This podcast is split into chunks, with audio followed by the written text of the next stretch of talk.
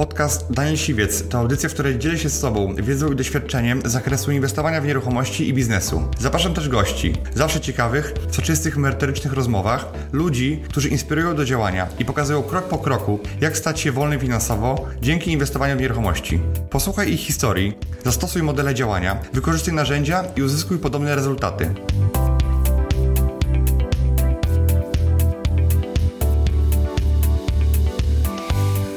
Gwarancja w topy jest duża, tak kupując działkę. To trzeba mieć mega farta, żeby kupić coś i było idealnie i jeszcze był potencjał na więcej. Wielu inwestorów mówi o tym, dobra, to ja sobie teraz kupię mieszkanie 100-metrowe, podzielę je sobie na 5 mikrokawalerek yy, i, i założę księgę, tak? Mimo tego, że nigdy nie mieli żadnego mieszkania i bardzo często jest to yy, albo trudne, albo jest wręcz niemożliwe. W Polsce jest tak, że ile planów miejscowych, tyle przepisów polskiego prawa. Bo plan miejscowy, mimo że jest niezgodny z ustawą, mhm. Niezgodny z definicjami w ustawie o planowaniu przestrzennym, to jest, to jest obowiązujący. Z błędami. E, kupujecie w ogóle e, mieszkanie, czy tam grupę mieszkań w starym budownictwie, to zdecydowanie należy obowiązkowo na sam początek pomierzyć tą powierzchnię powykonawczo. A pani naczelnik mi mówi, że ona normy nie ma, nie kupiła, bo urzędu nie stać na normy i ona nie wie, jak norma wygląda i nigdy takiej normy nie miała. Business Rider. Cześć, witajcie w nowym odcinku Business Ridera. Moim dzisiejszym gościem jest Adrian Hope. Cześć Adrian Piąteczka. Cześć, cześć, witaj Daniel. Adrian jest ekspertem od procesu deweloperskiego, jest też geodetą, jest osobą, która e, współtworzy normy w samodzielności lokali w Polsce, jest osobą, która no, ma dużo wiedzy i jest no, też geodetą, który, który, z którymi się znamy już wiele lat, współpracujemy. E, i myślę, że każdy inwestor, deweloper, e, czy nawet flipper, który robi takie trochę trudniejsze rzeczy, powinien mieć w swoim zespole, albo znać przynajmniej taką jedną osobę e, jak Adrian. Może nie ma ich dużo. I chciałem Cię porozmawiać na temat właśnie e, trochę trudniejszych, y, o różnego rodzaju patentach, różnego rodzaju takich mm, inwestycyjnych hakach, e, jak zrobić e, rzeczy, które wydaje nam się są trudne. W internecie nie ma tej wiedzy, tylko i wyłącznie praktycy ją mają, więc będziemy mówili o samodzielności lokali i o tych rzeczach, które i o błędach inwestorów. Więc na samym początku, Adrian, ty już pracujesz 17 lat na tym rynku, prawda? 17-18 lat zajmuję się dokumentacją dla deweloperów, inwestorów, czy na własnych inwestycjach. Właśnie ruszamy spod budynku biurowego, mm, który, który udało się e, mi i żonie wybudować. I słuchajcie, jeżeli chodzi o samodzielności lokali, to jest taka niesamowita historia, bo ja się tym zajmuję 18 lat. E, z 2-3 tysiące takich lokali uzyskaliśmy zaświadczenia do 2-3 tysięcy lokali.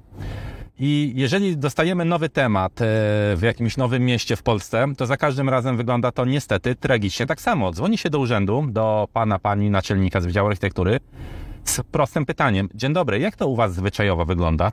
Jak Wy chcecie dokumentację mierzyć, a może nie mierzyć?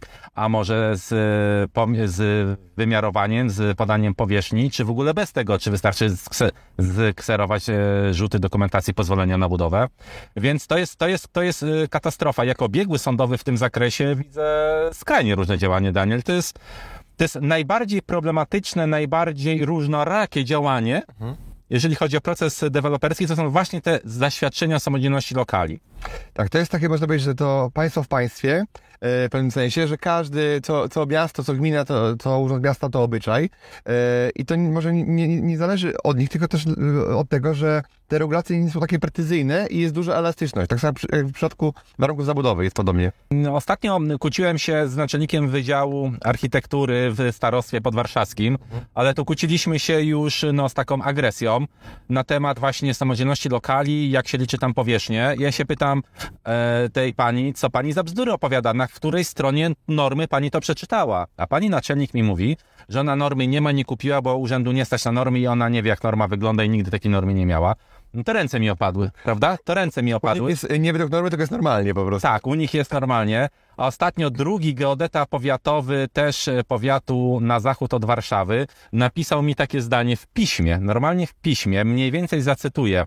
My nie działamy zgodnie z, jakby do końca z przepisami prawa, tylko na logiczne rozumowanie świata. Logiczne rozumowanie świata, to dosłownie cytuję, geodeta powiatowy używa takiego, takiego, takiego słownictwa, więc yy, to jest katastrofa. Ale słuchajcie, czasami ta katastrofa jest na plus, bo mamy, nie będę mówił teraz miast, bo to mniejsze miasta, ale takie, gdzie Inwestor kupił e, szereg budynków z lat 80., 70., taki mix use. Było trochę e, akademików, trochę mieszkań, gastronomia, naprawdę duży obiekt. To jest powiedzmy, nie wiem, niech to będzie 15-20 tysięcy metrów powierzchni, e, jakiejś tam już tak ogólnie mówiąc. E, I na próbę, na samym początku na próbę złożyliśmy wniosek o wydanie zaświadczenia samodzielnego lokalu dla lokalu mieszkalnego, który ma 16 metrów, lokalu biurowego, który ma 15 metrów, lokalu biurowego, co ma 30 metrów, takie różne kombinacje.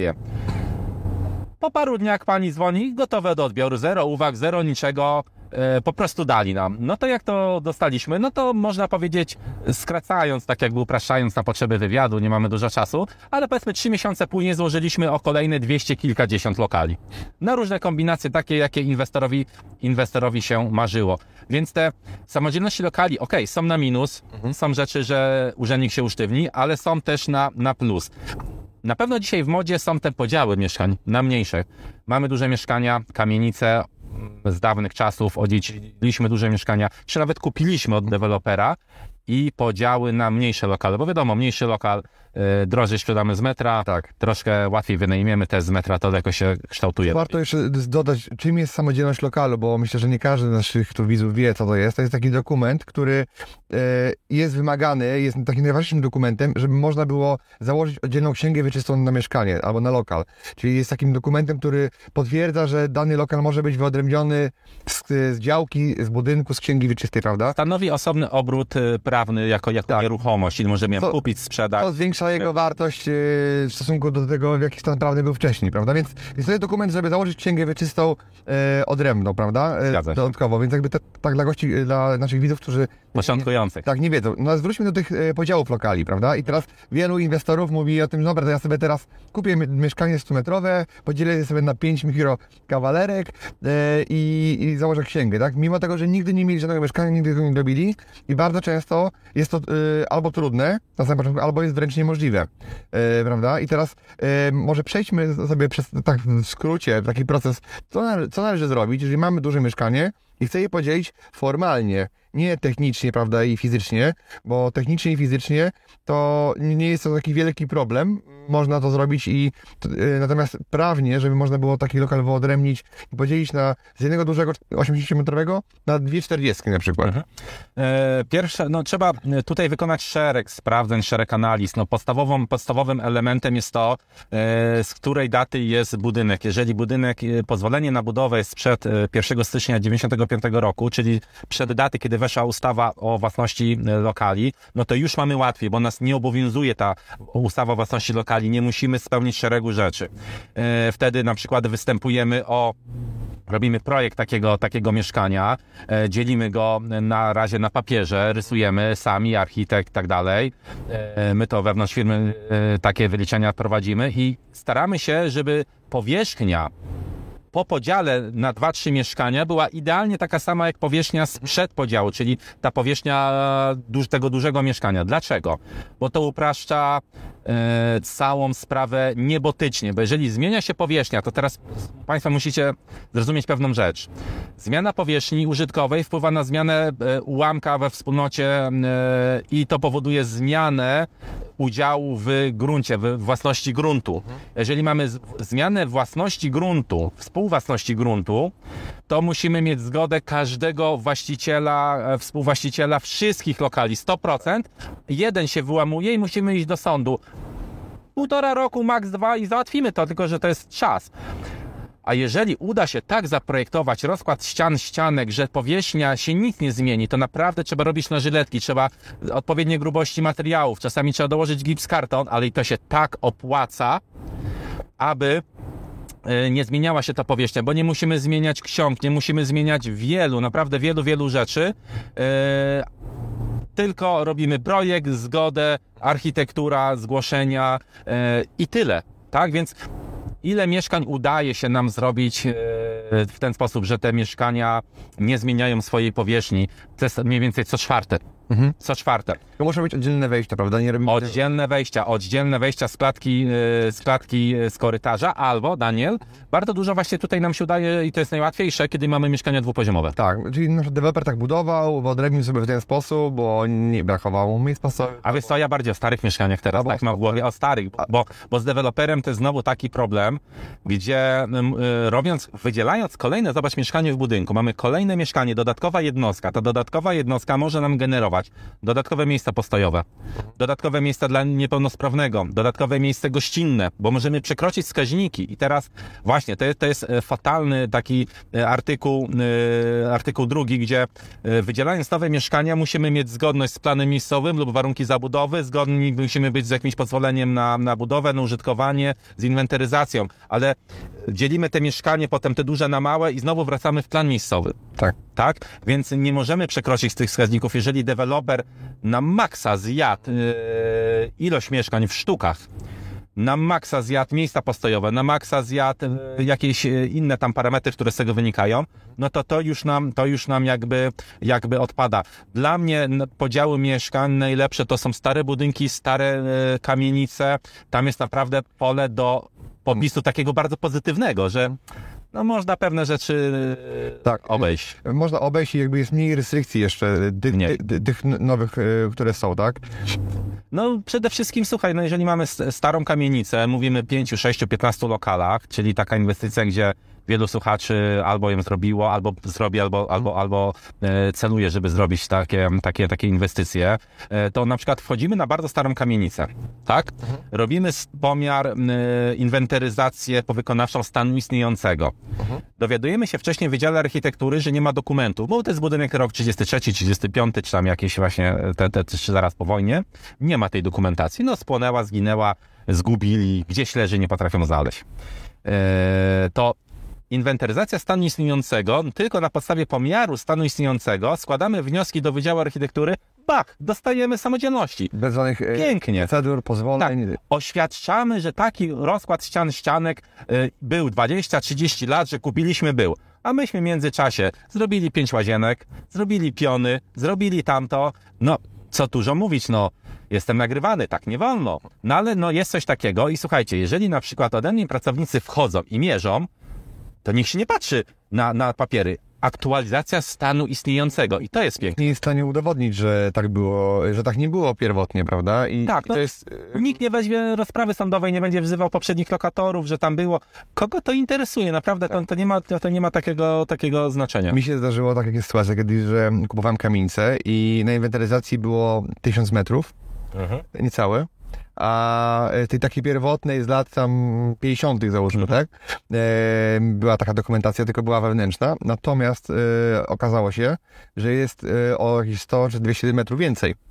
Dla mnie to jest normalne. Słuchajcie, e, swego czasu mieliśmy takie duże zlecenie z Warszawa Praga Północ. Mierzyliśmy w jednym zleceniu 2000 mieszkań starych. 2000, to jest próba, nie? E, to rozbieżności w powierzchni 2, 3, 5, 10 metrów były normalne e, pół metra, półtora metra dla każdego mieszkania.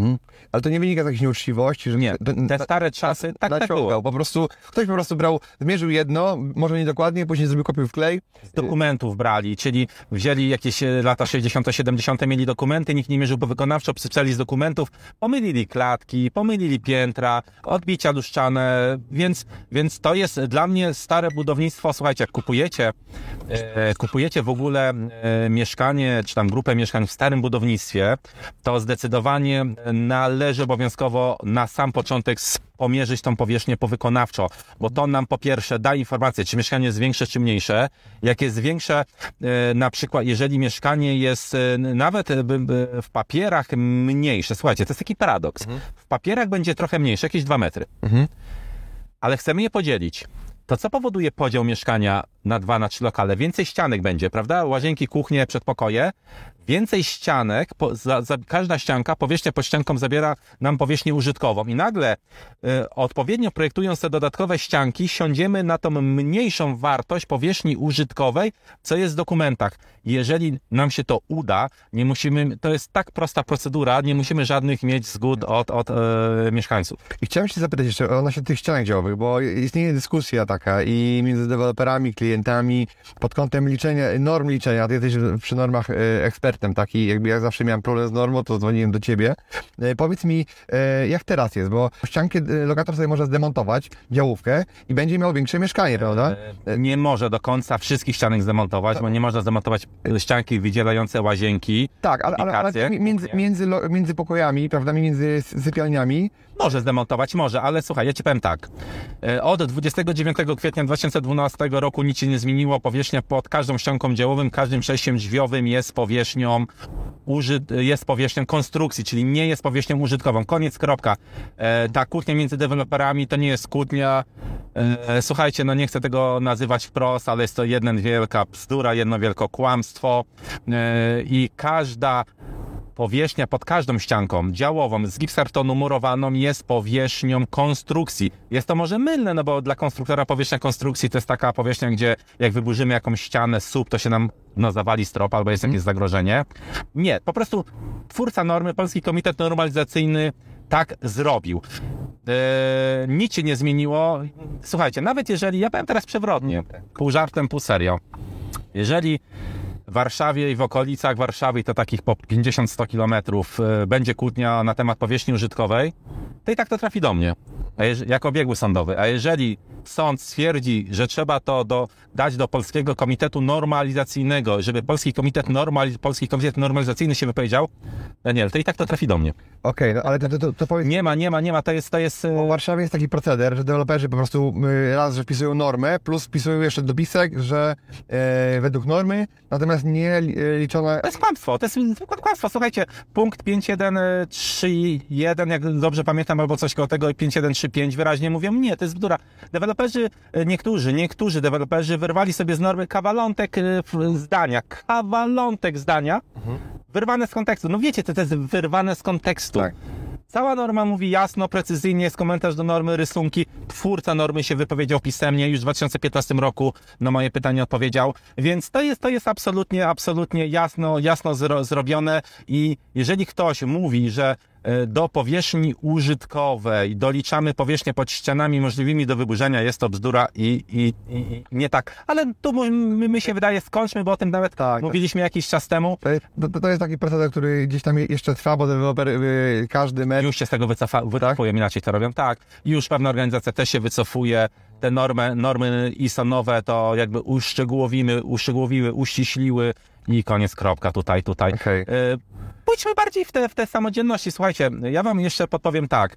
Nie bójcie się szukać dokumentów z lat 30., y, czy nawet z lat 1850., bo takie dokumenty są w archiwach e, akt dawnych, y, są dokumenty takie w gminach, w księgach wieczystych. I słuchajcie, pamiętam jeden temat na Alei Ujazdowskiej, gdzie udało się w, w, zrobić samodzielności wielu małych mieszkań, dlatego że znaleźliśmy zdjęcia elewacji, które pokazywały, że były okna co chwilę.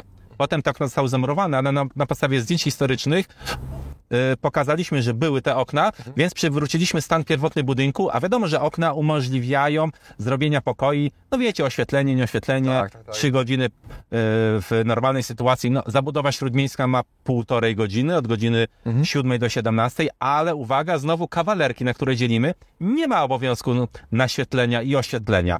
Po drugie, nie przejmujcie się za bardzo tym nasłonecznieniem, bo ja jako praktyk naprawdę nie widzę, nie dostaję z, z wydziałów architektury takich uwag. Pan wnioskuje o samodzielność lokalu, proszę przynieść mi wyliczenie nasłonecznienia, zacienienia.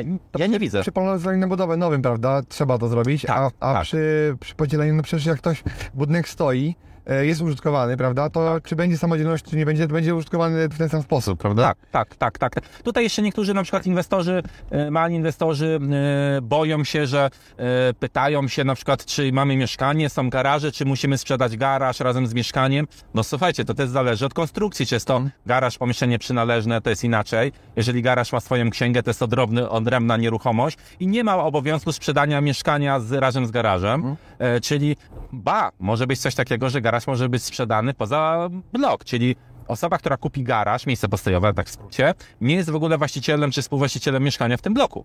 Tak, tak, w tym budynku. Tylko musi być odpowiedni stan prawny. Tak. Chciałem Cię tutaj zapytać, żeby je- jest taki nowy case, który wy- wyszedł ostatnio, e, taki spór między urzędami i e, też deweloperami, że nie chcą za bardzo wyodrębniać e, lokali garażowych sytuacji, w której na przykład jest na tym samym poziomie, czy w tym samym piętrze, albo jest e, przejście przez ten garaż do na przykład in- infrastruktury jakiejś. Tak. E, Ja się z tym zgadzam. Tutaj trzymam sztamę z urzędnikami. E, To nie jest tak, że tylko na tych urzędników nadaje, ale słuchajcie, e, to teraz przełóżmy to na inną sytuację, bo tu mówimy o przechodności lokali. Jeżeli kupujecie sobie mieszkanie, prywatnie nawet, tak? I co? Nagle wyobrażacie sobie, że przez wasze mieszkanie będzie ktoś przychodził do kotłowni budynkowej, No nie. to, że jest to garaż, okej, garaż jako jest- płyta jest jest płyta- otwarty, chodzi tam tysiące osób czy setki, ale w nomenklaturze prawnej jest to lokal. I nie może być tak, że przez lokal przechodzimy do części wspólnych budynku. Dlatego ja proponuję w tej sytuacji zrobić po prostu te pomieszczenia hydrofornie, przepompownię, elek- e, rozdzielnię elektryczną, włączyć w obrys samodzielnego lokalu garażowego. Proste rozwiązanie. No zobacz. Czyli powiększyć obszar y, tego lokalu i zrobić księgę razem z tymi pomieszczeniami technicznymi. okay. powiedzieć, okej, że częścią lokalu jest y, ta hydrofornia Tak, i teraz, y, tak. Tak, czy do, do, do, dodatkowo do garażu.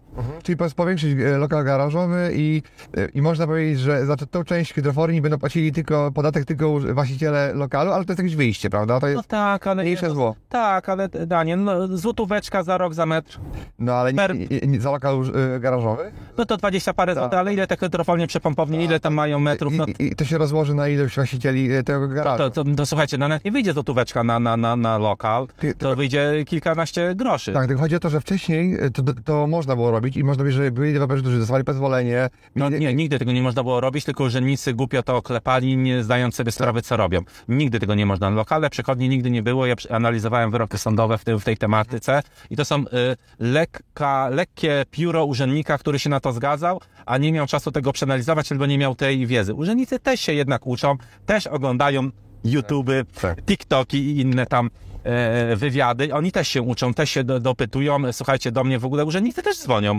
łącznie z e, sędziami sądów wojewódzkich czy wyższej rangi. Potrafią się zadzwonić i czegoś spytać. Chwalę. Tym, bar, tym bardziej, że to są przykłady, to są case'y, które e, mało kto ma i to są takie rzeczy, i- jeżeli ja bym sobie gdzie wpisał, jak podzielić lokal na mniejsze, to tam praktycznie nie ma wiedzy w internecie, tak? Nie, Można- nie, to jest bardzo, bardzo niszowa wiedza, bardzo niszowa wiedza. Żeby e, tą wiedzę wyłożyć inwestorom mniejszym i większym, potrzeba około 4-5 godzin.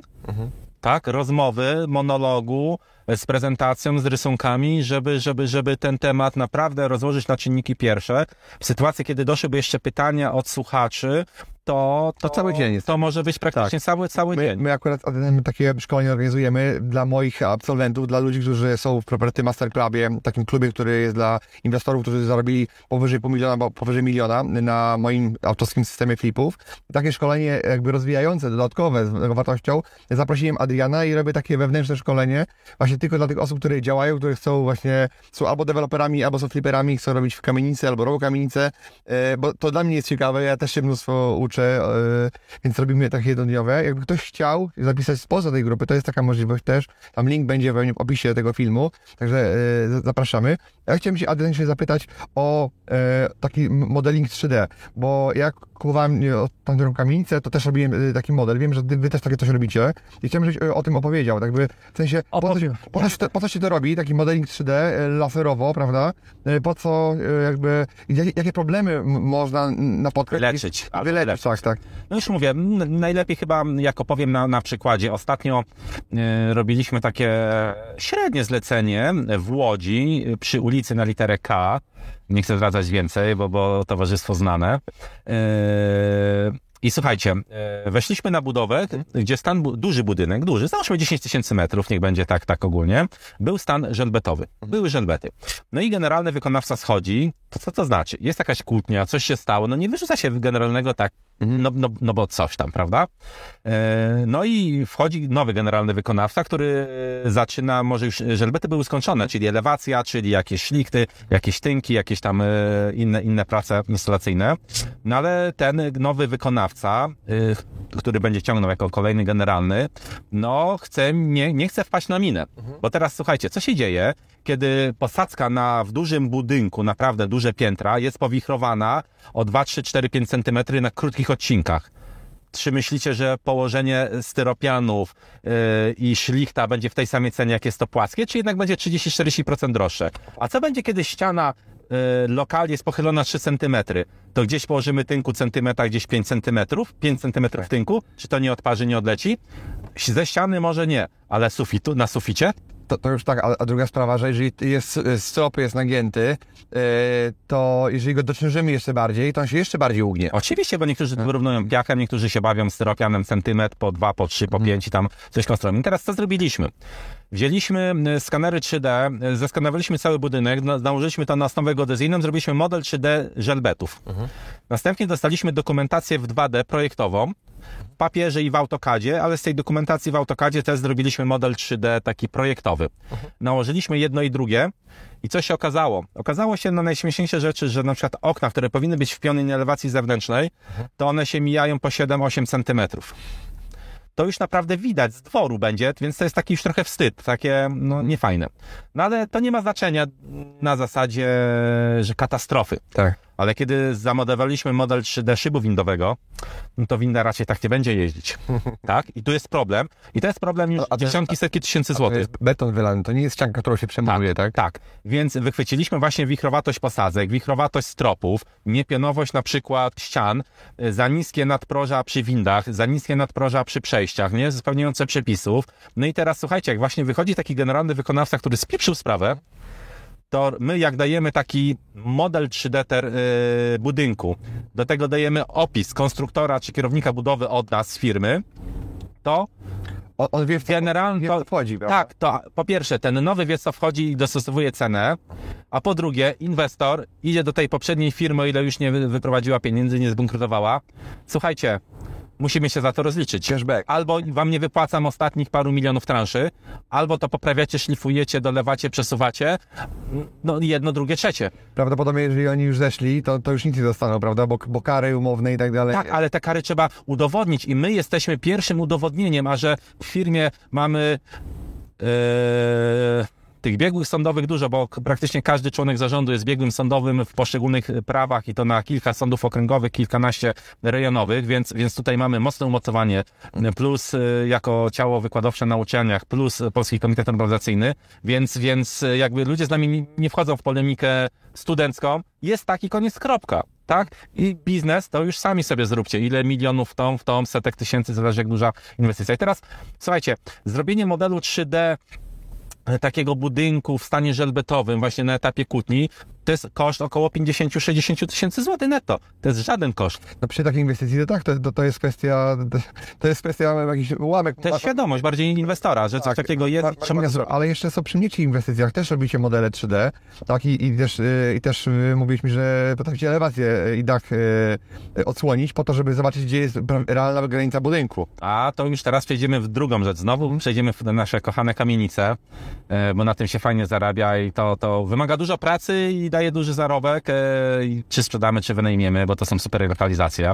No i teraz tak, e, po, co, po co na przykład od, odsłaniamy kawałki elewacji, czy kawałki dachu? Mhm. Robimy to po to, żeby wychwycić, gdzie jest rzeczywista dylatacja, czy rzeczywista granica między budynkami, bo jeżeli weźmiemy o jeżeli mówimy o kamienicach w centrach dużych, małych i średnich, małych miastach, to 100% 100% sytuacji, że granica nie siedzi e, z ścianą budynku mamy. 100% sytuacji. Musimy doliczyć minimum pół roku, najczęściej w dużych miastach rok, półtora do procesu inwestycyjnego, żeby wyprostować granicę, żeby granica pokrywała się z rzeczywistą dylatacją budynku, z tą granicą e, murowaną, tak? Czyli granica papierowa, granica muru, żeby to się idealnie, idealnie pokryło, tak. bo inaczej to nas zblokuje. Słuchajcie, albo... E, Przy pozwoleniu w szczególności, prawda? Mamy pozwolenie na budowę, sąsiedni budynek wchodzi pół metra, bo to nie mówimy o 10 centymetrach, pół metra, 70 centymetrów to są najczęstsze. Właśnie przejeżdżamy, nie będę wskazywał budynek, który, który tak prostowaliśmy przez 3 lata, więc e, nagle ktoś, e, sąsiedni budynek, sąsiedni mieszkańcy wejdą w nasze pozwolenie na budowę, mhm. będą musieli zgodę wyrazić, bo są właściciele, bo są na naszym gruncie. No tak, e, no, nie ma takiej opcji. Więc, więc katastrofą jest coś takiego, że widzimy ścianę, elewację budynków. E, na, jednej, e, na jednym budynku mamy piaskowiec położony, na drugim budynku jest inna elewacja i mamy bardzo wyraźną granicę ładnych elewacji. Mhm. I ktoś myśli, że to jest ściana budynku. Nieprawda. Często te elewacje są zaciągane na drugi budynek, bo ktoś z dobrej wie, że chciał komuś kawałek naprawić, wymienić rynnę, coś tam. Nie, to trzeba odkryć przy ziemiu, na górnych piętrach dźwig, na dachu i sprawdzić, czy ta granica jest e, w pionie też poprawna. Czyli tak naprawdę jak kupujemy kamienicę, warto wziąć geodetę, który tak naprawdę zaznaczy i określi, e, w którym miejscu jest granica tej bieżej, e, że- prawda? I Słuchaj, nie tyle geodetę, bo słuchaj, e, Daniel, dzisiaj już nie mówimy geodeta. Już nie ma czegoś takiego praktycznie geodeta, bo ta branża się tak e, rozrosła, że to jest specjalista jeden od modelowania 3D, drugi od nalotów dronem, trzeci regulacja stanów prawnych nieruchomości, e, czwarty zajmuje się pomiarami powierzchni do najmu, do podatku od nieruchomości, piąty obsługuje budowy i nie ma pojęcia o tych innych rzeczach. E, dzisiaj już naprawdę zapomnijcie sobie o czymś takim, że jest taki klasyczny geodeta, to jest taki, co powiedzmy na terenach małych miast robi mapę do projektu, wytyczy budynek i go odbierze. Potem są specjalizacje. Ja się wywodzę z geodezji, ale ja się wyspecjalizowałem w e, pomiarach do najmu, pomiarach do sprzedaży powierzchni, w, w kwestii procesu deweloperskim, samodzielności lokali, karty lokali. E, I naprawdę moja wiedza w zakresie stanów prawnych nieruchomości to jest 5% do tego, co ma na przykład kolega z firmy Rafał Rychlicki, czy modelowania 3D, gdzie robił to Filip e, e, Ryczywolski. E, Więc to trzeba naprawdę e, szukać specjalisty w danym zakresie. Tak, natomiast wiesz, mało kto kupując kamienicę bierze geodetę, który wytycza granice działki. To jest rzadka sytuacja. Przy działkach to się zdarza, jeżeli mamy podejrzenie o konflikt, prawda, e, o spór granicy działki, no to przy kamienicy praktycznie nikt tego nie robi.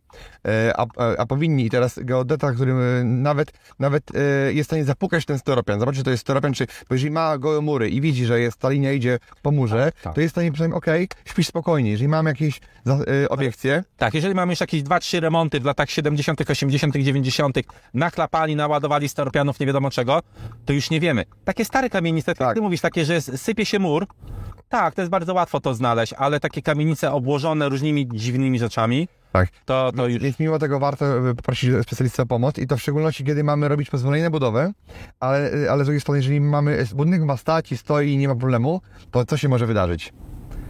Ja, ja znam taki przykład jeden, znam taką sytuację, na przykład, że kamienica właśnie miała geodeta po prostu gdzieś tam w latach e, 70 pociął po prostu w złym miejscu, e, położył, e, położył e, no, kreskę, przyłożył, e, urząd to klepnął i teraz, żeby to odkręcić, czyli jakby część kamienicy leżała na, na działce sąsiada, mimo tego, że nigdy tak nie było. Czyli po prostu robił taki podział, e, taki powojenny czy pokomunistyczny, nie wiem, e, i źle, źle postawił kreskę. I teraz e, mieszkańcy próbują to odkrę- odkręcić i za mają zrobione, mają wpisane w księdze wieczystej stan prawny jest nieuregulowany. Tak, tak. I teraz to, to, to jest takie ryzyko, które można mieć, jeżeli tego nie sprawdzimy, niby jest czysto, a za chwilę sąsiad powie, wyczuje interes, powie, słuchaj, masz na mojej działce kawałek swojego budynku, więc albo płacisz mi czynsz, prawda, albo... Albo ci będę wszystko blokował, albo coś tak, tak, innego. Oczywiście, że więc, tak. Więc potencjalnie y, to jest jakieś tam ryzyko i to, to warto sprawdzić. Zgadza się, zgadza się. No inwestorzy w ogóle nie sprawdzają wielu rzeczy, które mają na tacy. E, takim e, portalem, który, który jest, e, daje bardzo dużo wiedzy na temat e, geologii.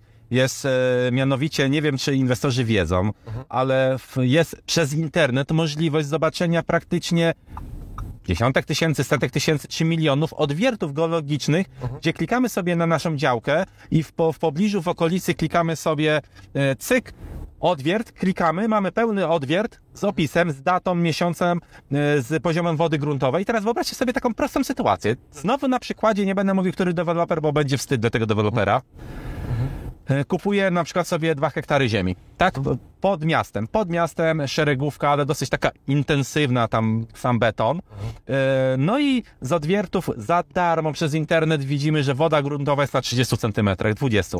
Koszt budowy, kiedy mamy tanie domy, kiedy mamy naprawdę, idziemy, idziemy tylko... Zwiększa się strach. Tak, no to koszt budowy się zwiększa okropnie, a wystarczy przez internet sobie wejść, zobaczyć i co wtedy robimy? No albo odpuszczamy ten e, kupno tego gruntu, albo Swoje odwierty robimy też jakby tak. E, nie ma takiej potrzeby, Daniel. Te zwierty naprawdę są, są rze- rzetelne, ich jest bardzo dużo. To przez internet mamy do tego pełny dostęp.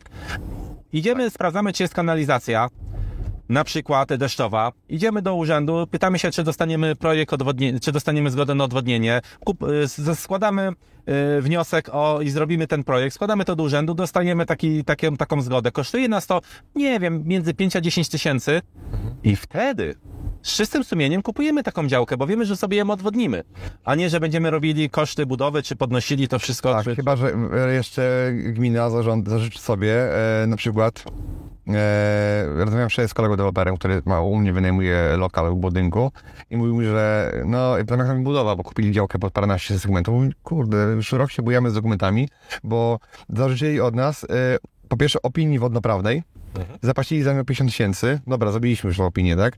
E, plus jeszcze, a teraz chcą opinii środowiskowej. Gdzie małe działki podzielone na małe działki i budują domki. I mówią, że już są zmęczeni, nie odpuszczą i już coś, coś się sądzi. No właśnie, i teraz w którym momencie iść do sądu, no bo e, żaden inwestor nie chce iść do sądu, bo chodzi Tak. głównie o czas, no ale czasami, kiedy już e, każą robić e, takie środowiskowe kwestie rzędu 100 tysięcy i więcej, Tak.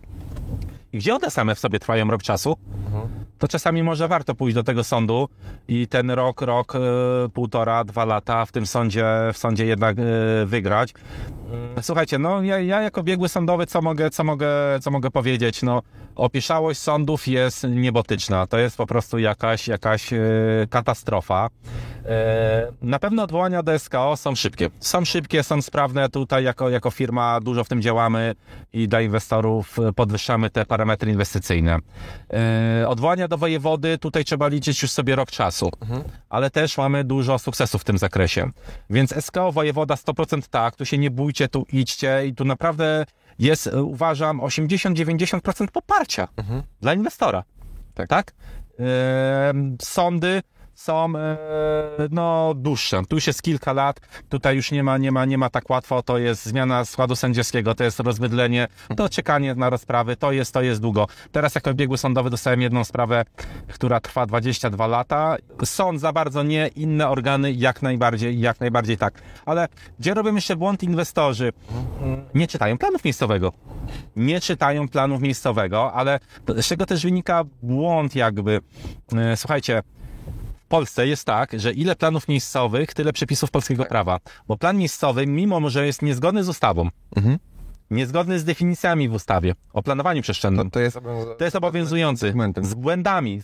To mogą być tragiczne błędy i on jest obowiązujący, obowiązujący do momentu, aż ktoś tych błędów nie uchyli, nie poprawi, nie obali tego planu, nie uchwali nowego bez błędów. Jest obowiązujący. Yy, I teraz tutaj umiejętność czytania pojedynczych słów, powierzchnia zabudowy, wskaźnik intensywności zabudowy, powierzchnia całkowita, całkowita zabudowy, co to jest w ogóle?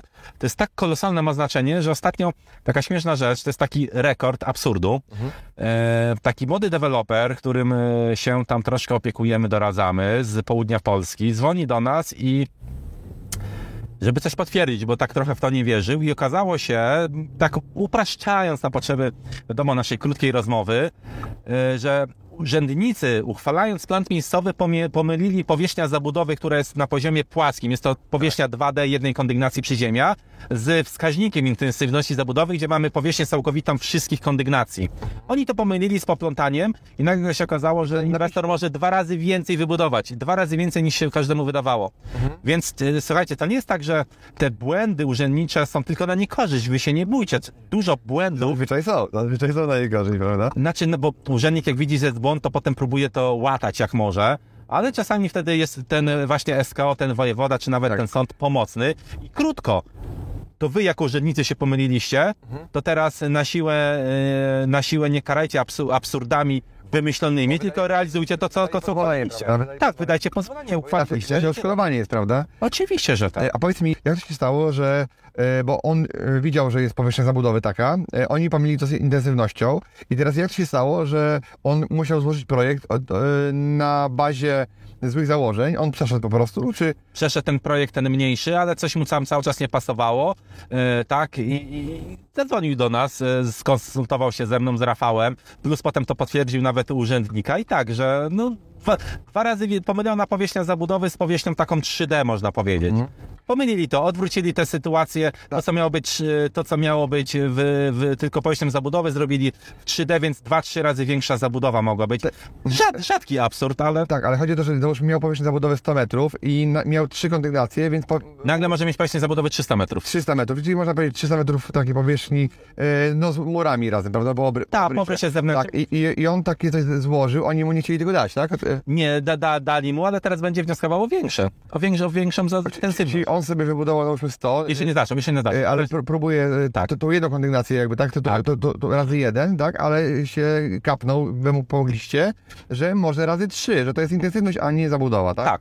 No wiadomo, że tam razy trzy się nie da, no bo wchodzi pieśń belgicznie czynna jakaś, ale, ale, ale, ale chodzi o dużo, przykład. dużo więcej. I teraz, gdzie był jego projektant? Ja się pytam, gdzie był jego projektant, który... ty- Ja, ja takie rzeczy jakby A, a, w małym Daniel, a powiedz mi szczerze, audytujesz e, po, pozwolenie na budowę wskaźniki urbanistyczne?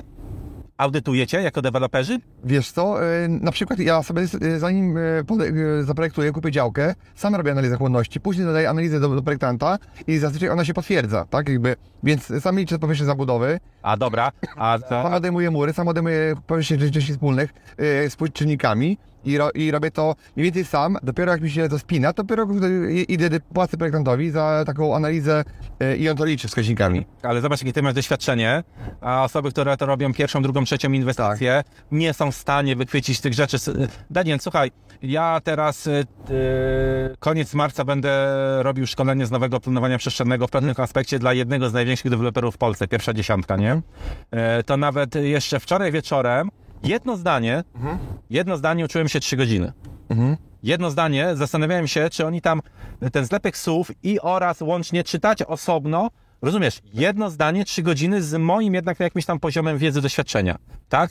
Uwierz mi teraz, gdzie są architekci? Architekci mają jedno zadanie, zrobić projekt jak najszybciej, wypchać go i brać następny, tak? Są pewne firmy, tak jak nasza, która to optymalizuje, doradza, zwiększa albo ratuje inwestycje, tak? To jest inny poziom jakby biznesu. Architekt nie będzie rozwlekał e, projektu na 3 lata, żeby zwiększyć e, e, możliwość zabudowy o 20%. Tak. I teraz na jakim etapie wy możecie pomóc e, inwestorowi? No, wiadomo, na samym początku to na pewno, tak? Na etapie... Mm. My pomagamy na całym etapie inwestycji, czyli przede wszystkim due diligence działki, analizy chłonności, wstępne due diligence, szczegółowe due diligence, prawne, logiczne, architektoniczne, urbanistyczne. Jak trzeba, to uchwalamy oczywiście tutaj z, z gminą, ale jakby naszymi rękami plany miejscowe i studium uwarunkowań. To są, to są koszty typu po 50-100 tysięcy, tak to należy liczyć, ale, ale są sytuacje, gdzie ktoś ma na przykład, słuchaj, ziemię, e, działki leśne. Ten las jest bardzo rzadki. Obok tego lasu jest prawie już miasto, bo się rozrosło, ale on ma status typowo leśny, zakaz zabudowy. No to idzie się do wójta, e, rozmawia, czy władza nie zechce się zgodzić na to, żeby były to działki leśne, ale z, z możliwością zabudowy. Czyli dalej będzie to włączenie z produkcji leśnej, 500 metrów i tak dalej, czy tam 200 na lokal, ale gmina mówi, no tak, ale my nie mamy pieniędzy na plan miejscowy. A co mówi inwestor? Słuchajcie, ja wykładam stówkę, robię zmianę studium, zmianę planu i nagle ktoś ma 5, 10, 15 działek pod rezydencję, bo załóżmy po 2000 metrów, czy po 3, ale miał działki nieużyteczne, a nagle ma działki... Tak, a sobie gmina ma, ma nowych mieszkańców, płacą podatki. e, Oczywiście, że tak. Albo chcieli to zrobić, tylko nie mają kasy. ma porządek tak naprawdę. Albo oni nawet chcą to zrobić, tylko brak Jeszcze, tutaj jeszcze rozmowy z władzą. rentę planistyczną, tak? Dodatkowo.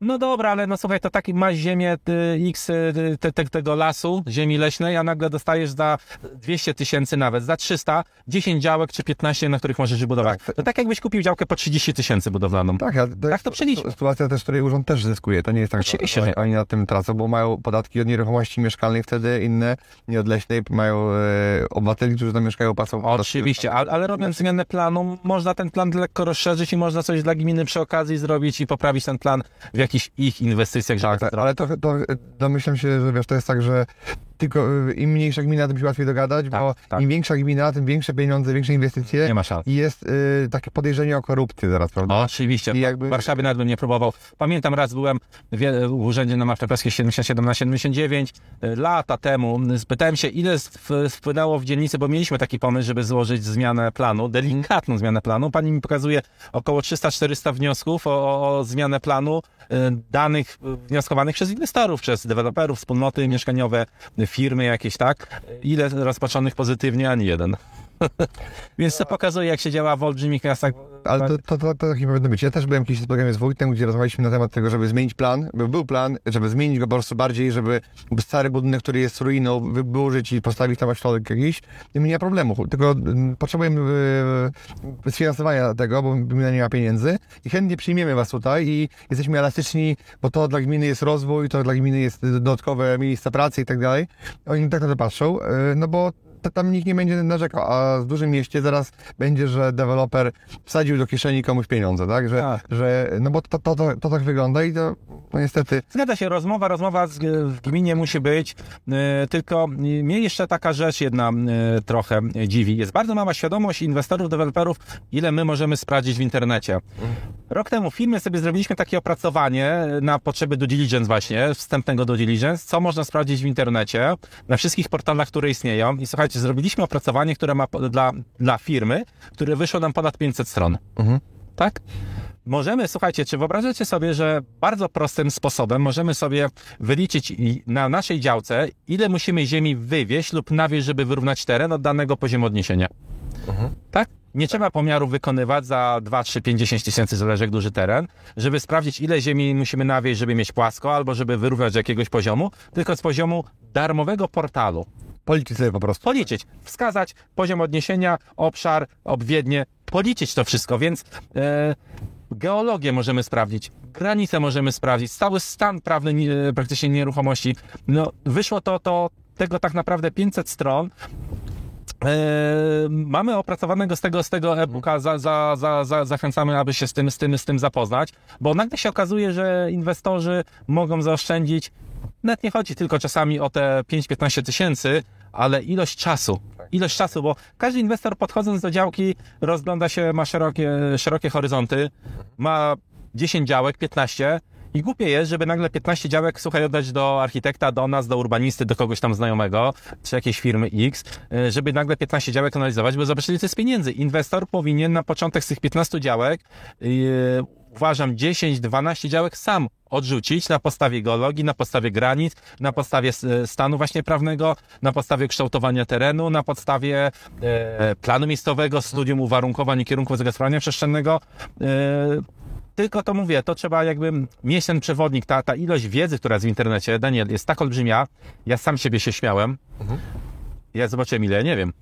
To nie jest tak, że to jest wielka książka 500 stron i trzeba to umieć, tylko czasami wystarczy checklistę 15-20 rzeczy do sprawdzenia e, i taka checklista wystarczy czasami, prawda? Oczywiście, a słuchaj, w tym opracowaniu mamy mnóstwo grafik, które pokazujące, gdzie wejść i to są takie skrypty pokazujące, jak się obsłużyć. To nie jest 500 stron tekstu, bo, bo, bo to byłby absurd. To jest przewodnik, jak z tego korzystać.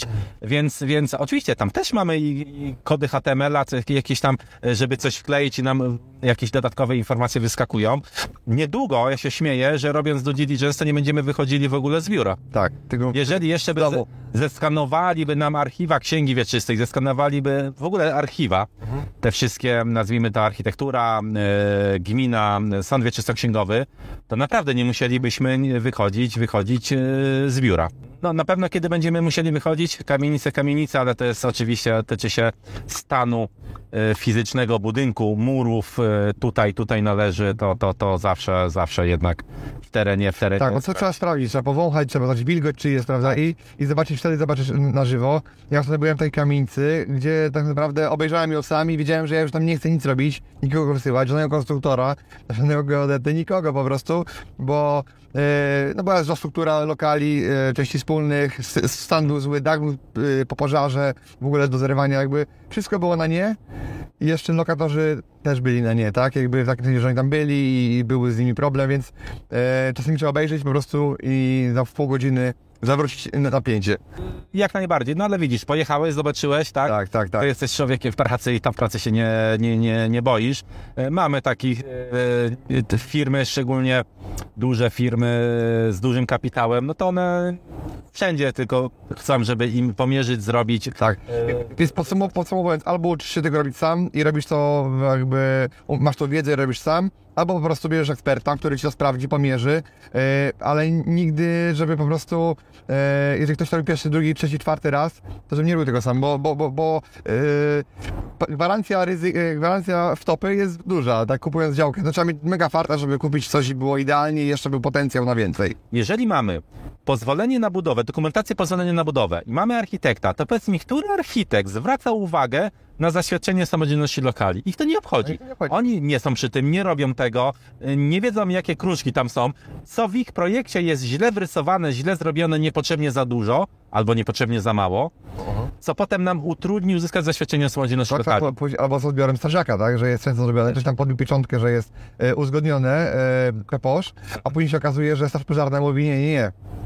To się nie, to się nie tak robi.